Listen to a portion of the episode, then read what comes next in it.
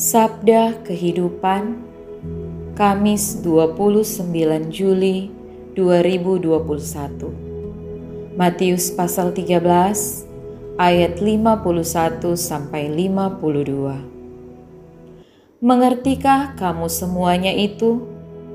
Mereka menjawab, "Ya, kami mengerti." Maka berkatalah Yesus kepada mereka, "Karena itu, setiap ahli Taurat yang menerima pelajaran dari hal kerajaan sorga itu, seumpama tuan rumah yang mengeluarkan harta yang baru dan yang lama dari perbendaharaannya. Atas berbagai cara, Yesus menerangkan mengenai kerajaan sorga, antara lain lewat perumpamaan. Yesus menghendaki agar hikmat pengertian kita akan kerajaan surga sungguh mendalam hingga kita dapat menyelami kasih dan kebaikan Allah, keadilan dan pengampunannya yang tak terhingga. Untuk itu Yesus meminta kita untuk tak pernah berhenti mencari dan belajar. Kata Yesus, Carilah dahulu kerajaan Allah dan kebenarannya, maka semuanya itu akan ditambahkan kepadamu. Tak usah jauh-jauh mencari kerajaan sorga. Datanglah pada Yesus dan belajarlah darinya.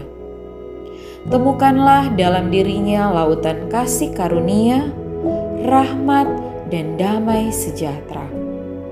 Dialah mutiara kehidupan yang tak henti kita selami, dan harta terpendam yang tak henti kita gali. Kiranya Yesus selalu baru bagi kita, dan pengenalan kita akan Dia semakin menyegarkan jiwa, mendamaikan hati, menghilangkan kecemasan dan keraguan, memberi kita setiap waktu kekuatan baru, daya roh ilahi Kristus untuk kita dapat menjalani hidup yang penuh makna. Olehnya kita dapat selalu bersyukur karena begitu dekat di hati Yesus, memahami kehendaknya, serta sehati sepikir dengannya. Terutama dalam merenungkan dan memaknai suka, duka, hidup.